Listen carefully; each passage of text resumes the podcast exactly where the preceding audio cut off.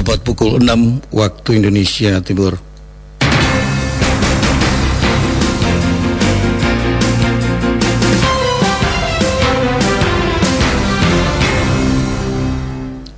Radio Republik Indonesia Fak-Fak dengan Warta Berita Daerah. Saya ingin sampaikan supaya siapa yang mau dipilih silakan. Kita ini kan ada konsistensi nasional, juga ada ukhuwah nahdid yang harus kita pertegas setiap waktu sensus penduduk 2020 di bulan September ini kita sudah masuk pada eh, waktu penghujung yaitu sudah hampir menyelesaikan periode September ini. Jadi progres kita sudah hampir mencapai 100% ya.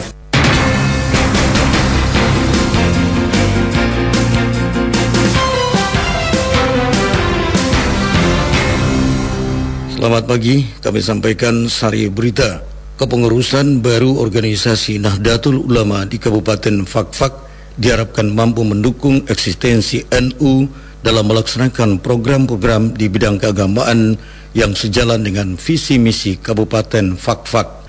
Sensus penduduk tahun 2020 yang dilakukan BPS Kabupaten Fakfak telah mencapai target yang ditentukan.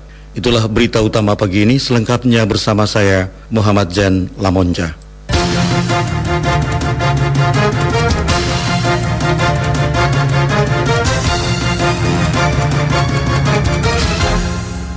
Kami sampaikan berita pertama. Kepengurusan baru organisasi Nahdlatul Ulama di Kabupaten Fakfak diharapkan mampu mendukung eksistensi NU dalam melaksanakan program-program di bidang keagamaan yang sejalan dengan visi misi Kabupaten Fakfak.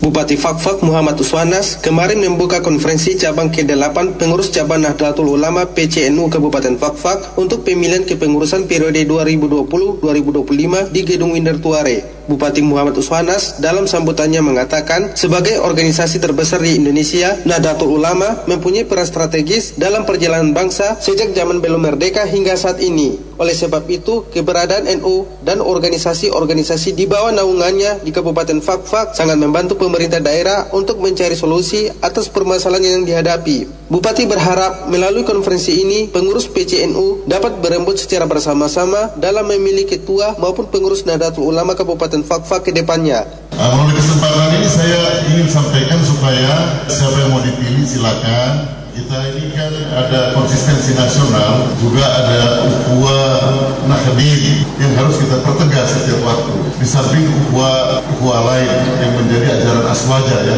ahlu sunnah wal jamaah. Nah, tetapi yang paling penting coba disosialisasikan lebih kuat. Untuk pengurus baru nanti ya, disosialisasikan ya, diseminasinya lebih kuat. Karena NU itu sudah dianggap urusan-urusan kulturalis, padahal sebenarnya tidak. Nah oleh sebabnya maka, nah, jadi silakan saja nanti di urung rembu siapa-siapa yang mau dipercayakan, ya silakan. Sementara Roy Suryo, Nadatul Ulama Kabupaten Fakfak, Dr. Andus Mustakfirin mengatakan, konferensi cabang ke-8 pengurus cabang Nadatul Ulama PCNU Kabupaten Fakfak merupakan kegiatan rutin yang dilakukan setiap lima tahun sekali, namun karena adanya pandemi COVID-19, maka kegiatan konferensi tersebut bergeser dari waktu yang telah ditentukan. Menurutnya, kegiatan ini adalah hal yang sangat penting karena sebagai bahan evaluasi perjalanan daripada organisasi Nahdlatul Ulama kan ini adalah merupakan kegiatan rutin yang mestinya lima tahunan. Tapi karena berkaitan dengan masalah COVID-19, pada akhirnya terjadi pergeseran waktu. Tapi tetap itu harus dilaksanakan karena apa? Sebagai evaluasi daripada perjalanan daripada organisasi ini. Karena organisasi NU ini kan organisasi besar, di mana ada satu konsep-konsep daripada NU dan itu berguna bagi kehidupan berbangsa dan bernegara. NO bersifat dinamis dan NO bersifatnya adalah bukan harus berlawanan dengan negara, tapi ada yang harus mendukung keberadaan daripada negara. Kalau tuh ada sesuatu yang kurang pas, maka pasti NO memberikan masukan-masukan, memberikan kritikan-kritikan. Itu sebenarnya kritikan itu bukan jangan diartikan sebagai satu demo, tapi adalah sebagai satu masukan. Sedangkan Ketua DPC Nahdlatul Ulama Kabupaten Fakfak Ali Hindo menjelaskan kegiatan konferensi atau musyawarah yang dilakukan oleh Nahdlatul Ulama Kabupaten Fakfak sebagai wujud untuk memilih ketua NU yang baru sehingga organisasi NU di Fakfak dapat berlanjut dan tetap eksis bersama-sama dengan masyarakat di daerah ini. Saya mengharapkan NU ini harus berlanjut, eksis di Fakfak, terus hidup bersama dengan seluruh komponen masyarakat. Jadi harus dia berjalan terus sehingga hari ini intinya kita sudah lapor kepada wilayah dan di pusat kita memilih kepengurusan. Dan nanti baru kepengurusan, baru nanti intinya pertama memilih kepengurusan itu memilih ketua. Ketua baru nanti dia menyusun. Hari ini musyawarah ini menghadirkan dari unsur pengurus distrik, dari imam-imam fak-fak dan sekitarnya ini dengan banon-banon selaku peninjau nah, nanti terpenuhi forum untuk memilih menentukan siapa yang jadi ketua sehingga nanti setelah itu baru nanti menyusun kepengurusan dikirim ke provinsi langsung dari wilayah yang kirim ke Jakarta ke PBNU untuk mendapatkan pengesahan SK.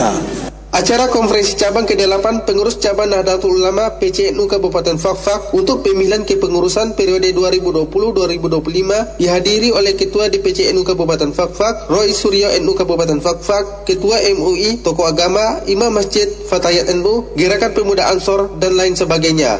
Januari melaporkan.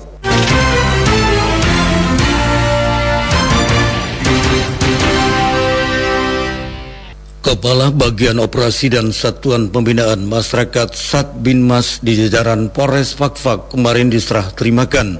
Berikut laporan selengkapnya.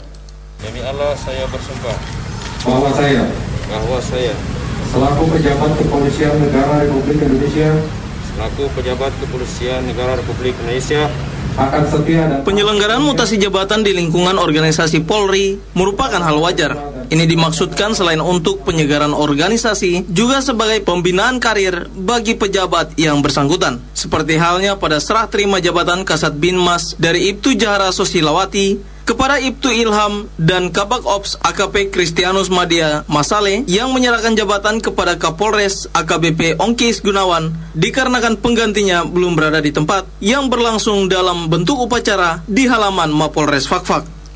Kapolres AKBP Ongkis Gunawan dalam amanatnya mengatakan, setiap penugasan maupun jabatan yang diberikan merupakan sebuah amanah yang perlu dilaksanakan dengan penuh rasa tanggung jawab serta diperlukan dedikasi yang tinggi guna mewujudkan keberhasilan.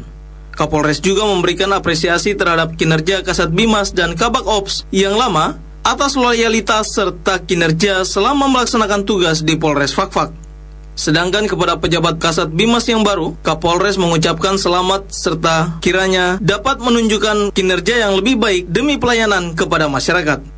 sebagaimana kita maklumi bersama bahwa tanggung jawab atas suatu jabatan adalah amanah sekaligus kepercayaan di mana di dalamnya mengandung konsekuensi yang tidak ringan sehingga setiap jabatan dituntut untuk dapat menampilkan kinerja yang baik agar mampu membawa perubahan di dalam organisasi yang dipimpin ke arah lebih baik. Saya yakin dan percaya hal ini tentunya telah dilaksanakan oleh para pejabat yang lama yang telah menyerahkan tugas dan tanggung jawab jabatan kepada para pejabat baru. Oleh karena itu, pada kesempatan ini perkenankan saya secara pribadi selaku Kapolres serta keluarga besar Polres Fafak menyampaikan ucapan terima kasih kepada AKP Kristianus Madia Masale yang telah melaksanakan tugas dengan baik sebagai Kabak Polres Fafak di mana saudara telah banyak membantu organisasi dalam bidang pembinaan maupun operasional. Kemudian saya ucapkan juga terima kasih kepada uh, Kasat Bimas yang lama Ibtu Jara Sosilawati yang selama ini telah melaksanakan tugas dengan baik sebagai Kasat Bimas Polres Fafak. Saudari telah banyak membantu organisasi dalam menyelenggarakan fungsi pembinaan kepada masyarakat. Kemudian saya ucapkan juga selamat bertugas kepada AKP Kristianus Mandia Masale ya, di jabatan yang baru di Lukwondama. Kemudian kepada Ibu Jahra selamat bertugas.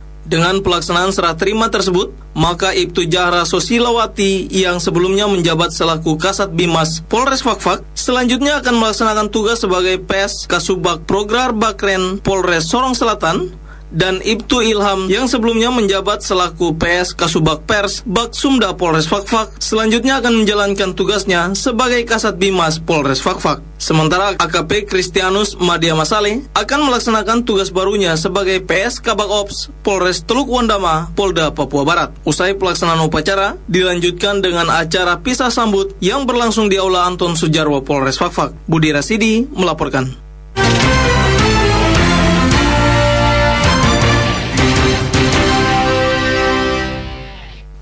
Sensus penduduk tahun 2020 yang dilakukan Badan Pusat Statistik BPS Kabupaten Fakfak telah mencapai target yang ditentukan. Berikut laporannya. Saudara sensus penduduk wawancara yang dimulai sejak awal September hari ini akan berakhir. Sensus penduduk ini merupakan salah satu tahapan pada sensus penduduk 2020 di mana petugas sensus melakukan wawancara kepada penduduk yang belum berpartisipasi pada sensus penduduk online. Terkait hal ini, Kepala BPS Kabupaten Fakfak Cahyo Kristiono mengapresiasi warga yang telah ikut berpartisipasi dan bersedia memberikan data-data yang benar dan valid kepada petugas sensus. Diakuinya, mobilitas penduduk yang tinggi menjadi salah satu kendala yang dihadapi petugas sensus. Sensus penduduk 2020 di bulan September ini kita sudah masuk pada eh, waktu penghujung yaitu sudah hampir menyelesaikan periode September ini. Jadi kami mengucapkan sangat-sangat terima kasih kepada setiap masyarakat yang sudah ikut mendukung kegiatan sensus penduduk 2020 khususnya di Kabupaten Fakfak ini dengan cara menerima kedatangan para petugas sensus penduduk yang mereka mendatangi eh, rumah ke rumah melakukan wawancara dan melakukan pendataan kepada setiap masyarakat, mereka boleh menerima dengan baik. Nah, dengan demikian uh, mereka atau setiap masyarakat ini sudah boleh memberikan dukungan, partisipasi dalam menyediakan data jumlah uh, penduduk sesuai dengan tujuan sensus penduduk ini. Progres kita sudah hampir men mencapai 100% ya, artinya jika menemui penduduk dengan mobilitas penduduk yang tinggi ini memang juga harus mencari waktu yang tepat sehingga mereka boleh berjumpa secara langsung dengan uh, masyarakat.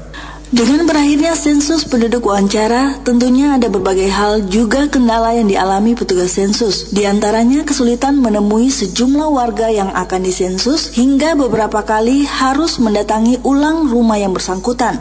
Koseka Distrik Fakfak Tengah Mahmud Arifin pada dialog bincang-bincang pagi dari Fakfak mengaku sebagian masyarakat khususnya di Kelurahan Danawiria merespon positif ketika dilakukan wawancara atau didata. Namun tidak banyak pula yang menolak untuk didata.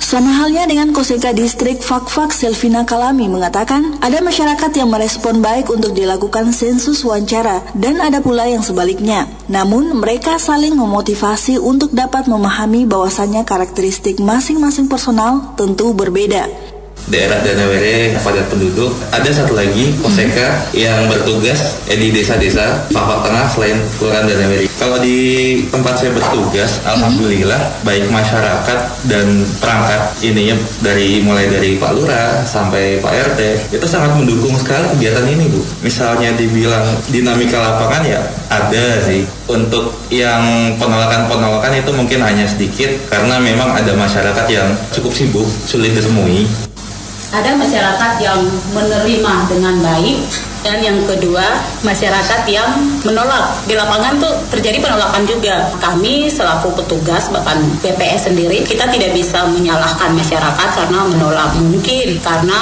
kekurangan pemahaman terhadap sensus sendiri terhadap data-data yang dikumpulkan oleh BPS jadi kami sebagai Koseka memberikan motivasi kepada petugas-petugas kami untuk lebih semangat Pelaksanaan sensus penduduk wawancara berakhir 30 September hari ini. Namun apabila ada perpanjangan waktu, maka masyarakat yang belum terdaftar diharapkan menyiapkan dokumen kependudukan berupa KTP dan KK agar terdaftar pada sensus penduduk. Demikian Hani melaporkan.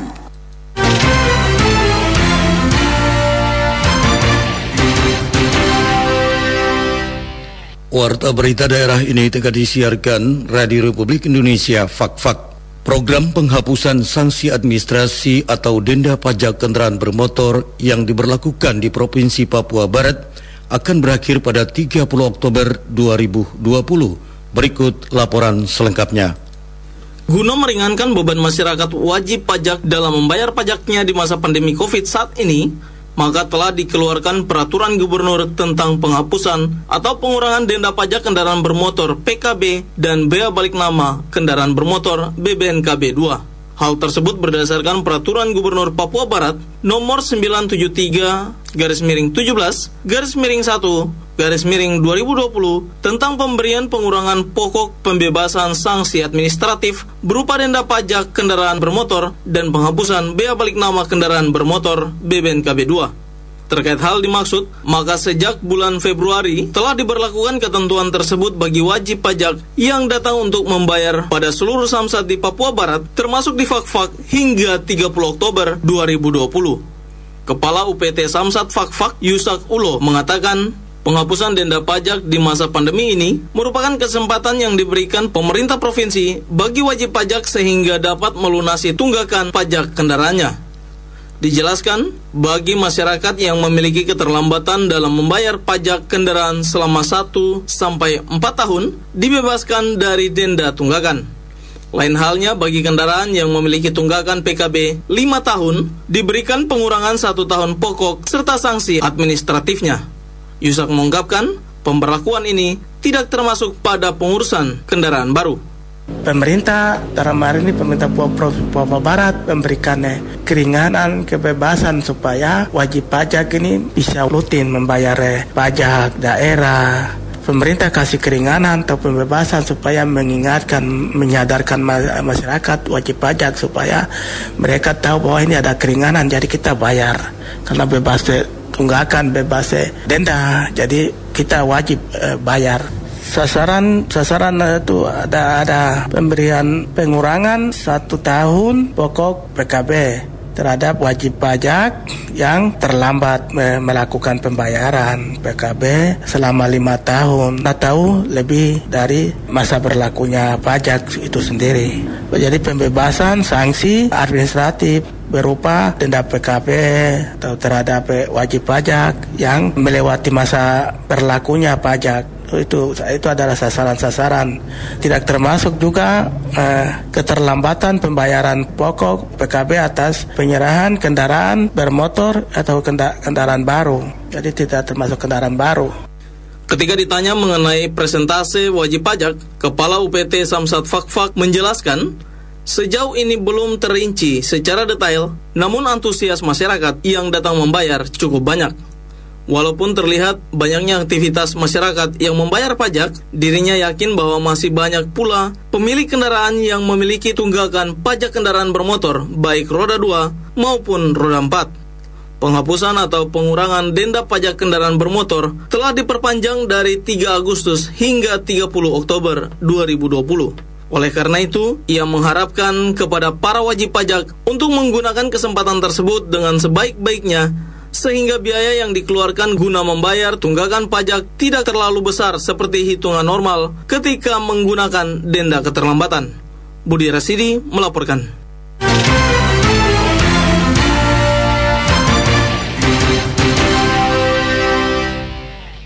Saudara, sesuai jadwal tahapan pelaksanaan pemilihan kepala daerah tahun 2020, saat ini memasuki masa kampanye yang telah dimulai 26 September hingga 5 Desember 2020 mendatang. Lalu apa metode kampanye yang dilaksanakan oleh pasangan calon bupati dan wakil bupati di tengah pandemi COVID-19 ini? Selengkapnya terkait hal ini, reporter Niko Aflobun mewawancarai Ketua KPU Fakfak di Huru Dekri Rajaloa.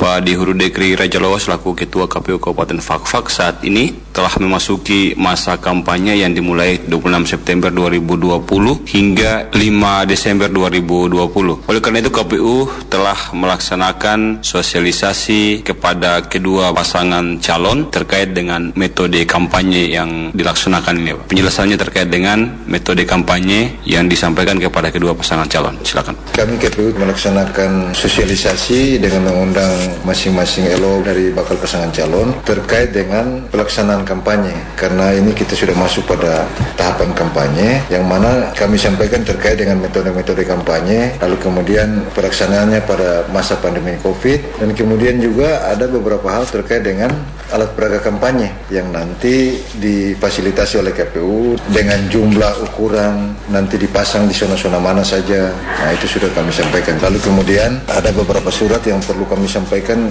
atau sosialisasikan juga kepada pasangan calon karena surat-surat KPU terkait dengan nomor 817 ini yang mengatur terkait dengan kedudukan hukum dari PKPU 13 sendiri serta pelaksanaan kampanye mengenai pengadaan alat peraga kampanye yang kami sampaikan secara umum kepada pasangan calon sehingga nanti terkait alat peraga kampanye ini desainnya itu dibuat oleh masing-masing pasangan calon kemudian disampaikan ke KPU kita edit terkait dengan bahasanya dan sebagainya lalu kemudian baru persiapan untuk pencetakan alat peraga kampanye. Kemudian Pak Ketua, salah satu agenda sosialisasi yang dilaksanakan yaitu penyampaian kepada paslon terkait dengan jumlah masa yang hadir pada saat dilakukan kampanye. Untuk ketentuan PKPU 13 dan PKPU 11 yang baru terbit ini seperti apa Pak? Iya, kalau PKPU 13 ini kan mengatur secara umum terkait dengan kampanye. Namun karena pelaksanaannya pada masa pandemi COVID, maka keluarlah PKPU 13 yang mengatur terkait dengan pelaksanaan kampanye, metodenya, dan jumlah peserta yang mengikuti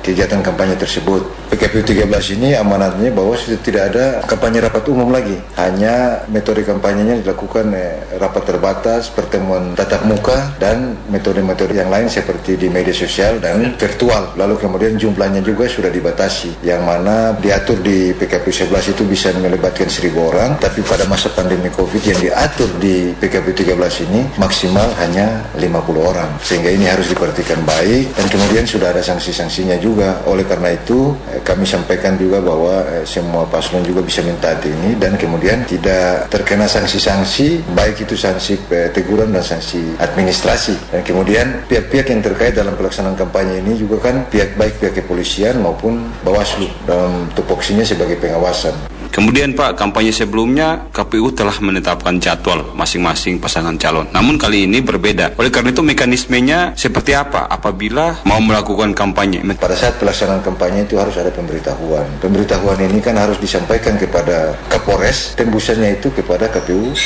dan Bawaslu.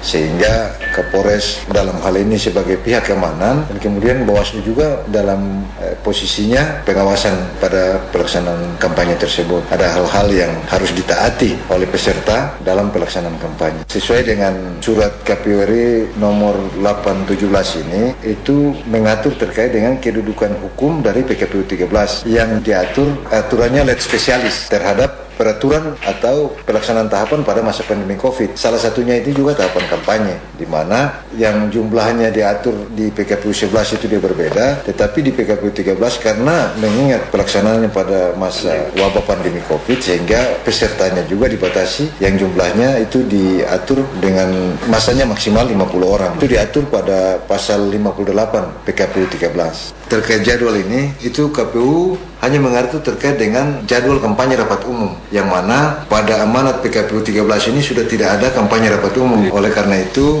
kampanye atau metode kampanye yang diatur PKPU 13 ini hanya tatap muka pertemuan terbatas medsos dan sebagainya dan itu kembali kepada paslon masing-masing. Karena dilakukan di ruangan-ruangan tertutup. Jumlah pesertanya juga terbatas. Nah, kami tentukan itu apabila ada pelaksanaannya metodenya itu kampanye rapat umum. Hanya saja waktunya yang dibatasi. Minimal semua kita harus punya tanggung jawab terkait dengan penyebaran virus pandemi COVID dan kemudian bisa mencegah terjadinya klaster baru sehingga eh, seluruh masyarakat Papua bisa tetap sehat sampai pelaksanaan pilkada ini. Artinya leg spesialis ini tidak hanya berlaku untuk Kabupaten Fafak namun seluruh daerah yang melakukan pemilihan kepala daerah tahun 2020. Iya, leg spesialis ini keluarnya surat 817 ini untuk seluruh daerah yang melaksanakan pilkada karena surat ini turun mengingat bahwa pelaksanaan pilkada ini pada masa pandemi COVID dengan keluarnya PKPU 13 tadi. Ini yang memperkuat keluarnya PKPU 13. Untuk alat peraga kampanye ini Pak Ketua, apakah ada yang difasilitasi oleh KPU atau disiapkan sendiri oleh masing-masing pasangan calon? Iya, jadi untuk alat peraga kampanye itu untuk masing-masing pasangan calon itu ada yang difasilitasi KPU, tetapi dalam jumlahnya yang terbatas. Kemudian dengan ukurannya juga. Jadi tadi sudah disepakati dengan ukurannya, kemudian nanti jumlahnya itu nanti KPU akan cetak sesuai dengan jumlah yang nanti disampaikan kepada masing-masing pasangan calon. Namun terkait dengan desainnya itu didesain langsung oleh masing-masing pasangan calon. Desainnya nanti desain itu disampaikan ke KPU, lalu KPU akan mencetak sesuai dengan desain yang disampaikan oleh masing-masing paslon. Kemudian setelah dicetak baru nanti kami sampaikan dengan jumlah ukuran yang sama. Nanti apabila diberikan ruang juga untuk pasangan calon bisa mencetak alat peraga tambahan itu 200 persen atau dua kali lipat yang difasilitasi oleh KPU. Misalnya KPU menyediakan baliho jumlahnya 10, mereka bisa cetak tambah itu 20. Untuk uh, sonasi pemasangan APK, apakah ditentukan oleh KPU atau jadi itu nanti kami menyurat ke pemerintah daerah karena yang punya wilayah adalah pemerintah daerah.